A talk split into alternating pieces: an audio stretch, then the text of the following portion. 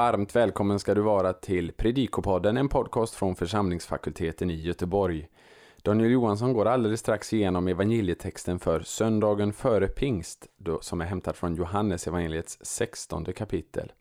Men innan det vill jag än en gång informera om möjligheten för dig eller någon du känner som befinner sig i åldern mellan 16 eller 30 år om möjligheten att delta på församlingsfakultetens bibelskola för unga vuxna. Denna bibelskola infaller mellan den 3 och 5 augusti i år, och eh, temat är Det ord som jag har talat till er är ande och liv. Undervisningen under tre förmiddagar svarar på frågor om relationen mellan Jesus och Bibeln. FFG vill nämligen hjälpa att rusta unga vuxna med kunskapen kring denna för vår tro helt grundläggande tematik. Undervisar i år är, eh, gör Torbjörn Johansson och Daniel Johansson. Du kan hitta information om hur du anmäler dig eller om du har frågor på vår hemsida. Där kan du också hitta information om hur du kan stödja församlingsfakultetens arbete. Men nu lämnar jag ordet till Daniel. Vi önskar dig god lyssning. Tredje årgångens evangelium för söndagen före pingst kommer återigen ifrån Jesu avskedstal i Johannes, den här gången 16, 12 15. Vi börjar med en kort språklig genomgång. I vers 12 står Pola, mycket många, i neutrum plural och underförstår saker.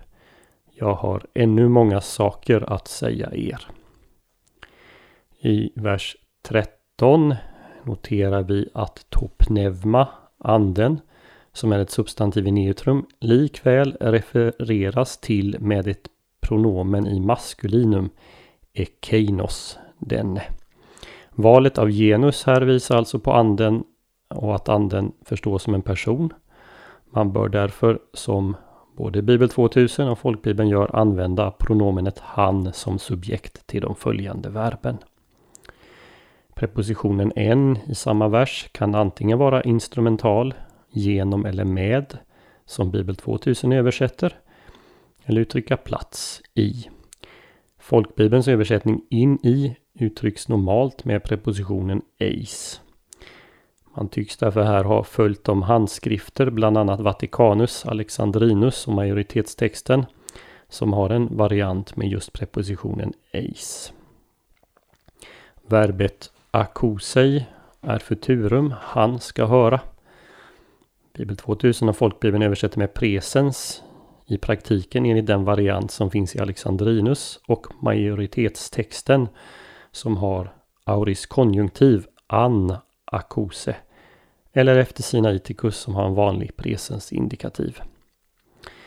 Det troliga är väl att hörandet i futurum står som en parallell till tagandet också i futurum i vers 14. Anden kommer att höra och tala. Anden kommer att ta från Jesus och förkunna. Saken bör dock inte pressas för hårt för i vers 15 används verbet lambano, ta emot, i presens medan förkunnelsen fortfarande står i futurum. Ta erchomena är neutrum plural och avser de kommande sakerna, det som kommer att ske. I vers 14 slutligen i frasen ek to emo så gör den bestämda artikeln to om pronomenet MO till ett substantiv. Och vi översätter från det som är mitt. Evangelieläsningen utgör den femte och sista delen av Jesu undervisning om parakleten den helige Ande. Den första delen kommer i 14 vers 15 till 17 där anden framställs som parakleten eller hjälparen, försvararen, hur man nu vill översätta det. Det andra avsnittet finner vi i 14.25-26, där anden framförallt är uttolkaren. Det tredje finner vi i 15.26-27. där är anden framförallt vittnet. Den fjärde utsagan finns i 16, vers 4b till 11. Alltså avsnittet precis innan dagens evangelieperikop. Där är anden åklagaren. Och här i det femte och sista avsnittet, vers 12 till 15, är han uppenbararen. Om strukturen kan man väl säga att vers 14 och 15 närmast står som en parallell och en fördjupande förklaring till vers 12 och 13. Jesus talar som sagt fem gånger om anden eller parakleten. Fokus i det här avsnittet ligger på hur anden ska överta Jesu roll som lärare. Det finns mer för Jesus att säga men lärjungarna kan inte bära det som det står nu. Vad betyder det? En del ser här en motsägelse eh, mot eh, 14.26 där, där Jesus säger att anden ska hjälpa lärjungarna att komma ihåg det Jesus redan lärt dem. Eh, men en sån läsning där man ser en motsägelse det förutsätter att anspråket här i kapitel 16 är att anden ska lära dem något nytt, något mera. Men poängen är ju, vilket framgår med tydlighet i särskilt vers 14 och 15, att anden inte kommer med något mer, men ett nytt sätt och en fördjupad förståelse. Vad det innebär att lärjungarna inte kan bära mer just nu illustreras av Jesu ord till Petrus i kapitel 13, vers 7. Vad Jesus gör Petrus kan inte nu, samma ord används, det kan Petrus inte nu förstå. Lärjungarna kan inte heller nu förstå. Dels därför att de ännu inte upplevt Jesu förhärligande, det vill säga påskens händelse. Dels därför att de ännu inte har nyskapats med anden så som sker i 2022. I vers 13 bör man notera de ordlekar, de intra och extra textuella anspelningar som förekommer. Anden kallas för sanningens ande. Han ska leda med eller i sanningen, hela sanningen. Och samtidigt är ju Jesus sanningen enligt 14.6. Verbet hodegeo som används här är en sammansättning av väg och leda och anspelar på Jesus som vägen, också enligt 14.6. Anden ska alltså vägleda längs den väg som är Jesus och han ska göra det med sanningen som är Jesus. Samtidigt anspelas här på ställen i Saltaren som 25, 4-5, 43, 3, 86, 11, 143, 10. Det sista stället talar specifikt om just Andens ledning. Samma verb, vägleda, används för övrigt i Saltaren 23.3. Att anden ska vägleda dem med eller i hela sanningen innebär att en förklaring av det som Jesus sagt och gjort, det vill säga en djupare förståelse av Jesu historiska gärning ska ges av anden. Det är det som evangelisten Johannes förmodligen påpekar i till exempel kapitel 2, vers 22, 12, 16 och 13, 7. Lärjungarna förstod då, när de var med om det, inte vad Jesus gjorde eller menade. Till exempel med att han skulle bryta ner och bygga upp templet på tre dagar. Men, påpekar Johannes, efter uppståndelsen förstod de. Det råder delade meningar om vad Kai ta erchomena anangalei hymin. Han ska förkunna om de saker som kommer. Vad det avser. En del ser här en referens till eskatologiska händelser så som det kommer till uttryck i till exempel Uppenbarelseboken. Andra menar eh, att det avser tillämpningen av Jesu undervisning under kyrkans tid. Några åter ser i första hand en hänvisning till Jesu död, uppståndelse och himmelsfärd som ju ännu ligger i framtiden för lärjungarna.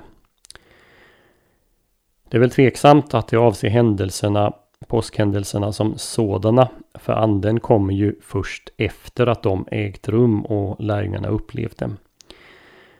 Däremot ligger det väl nära till hands att tänka sig att det handlar om andens förklaring av de händelser som nu är nära förestående. Jesu förhärligande är ju en röd tråd genom hela evangeliet.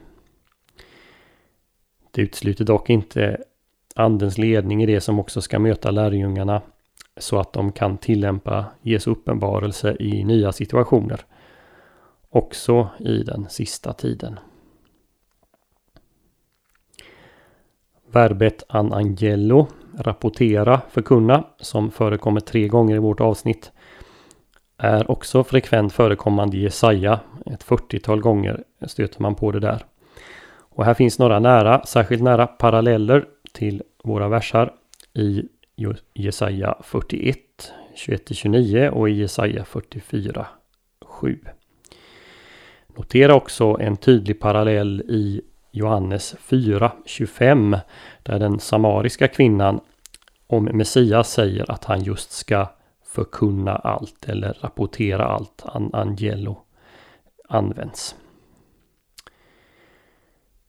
Vers 14 och 15 understryker två gånger att anden inte ska säga något annat än det Jesus har sagt, det som kommer från Jesus. Från det som är mitt ska anden ta, säger Jesus.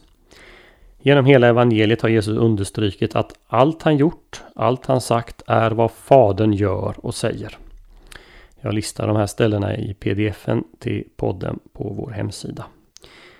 Det är samma som gäller om Fadern och Jesus. Det gäller också om Jesus och Anden. Anden ska förkunna det som kommer från Jesus. Anden lägger ingenting till den uppenbarelse som är Jesus och som Jesus givit. Så fort man skiljer anden från Kristi ord öppnar man vägen till alla möjliga och för all del omöjliga anspråk.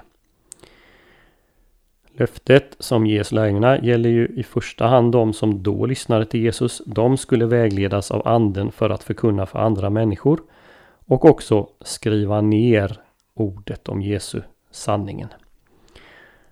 Jesus säger uttryckligen i kapitel 15-27 att lärjungarna är ögonvittnen. Själva Johannesevangeliet är ett uttryck för hur anden väglett lärjungarna.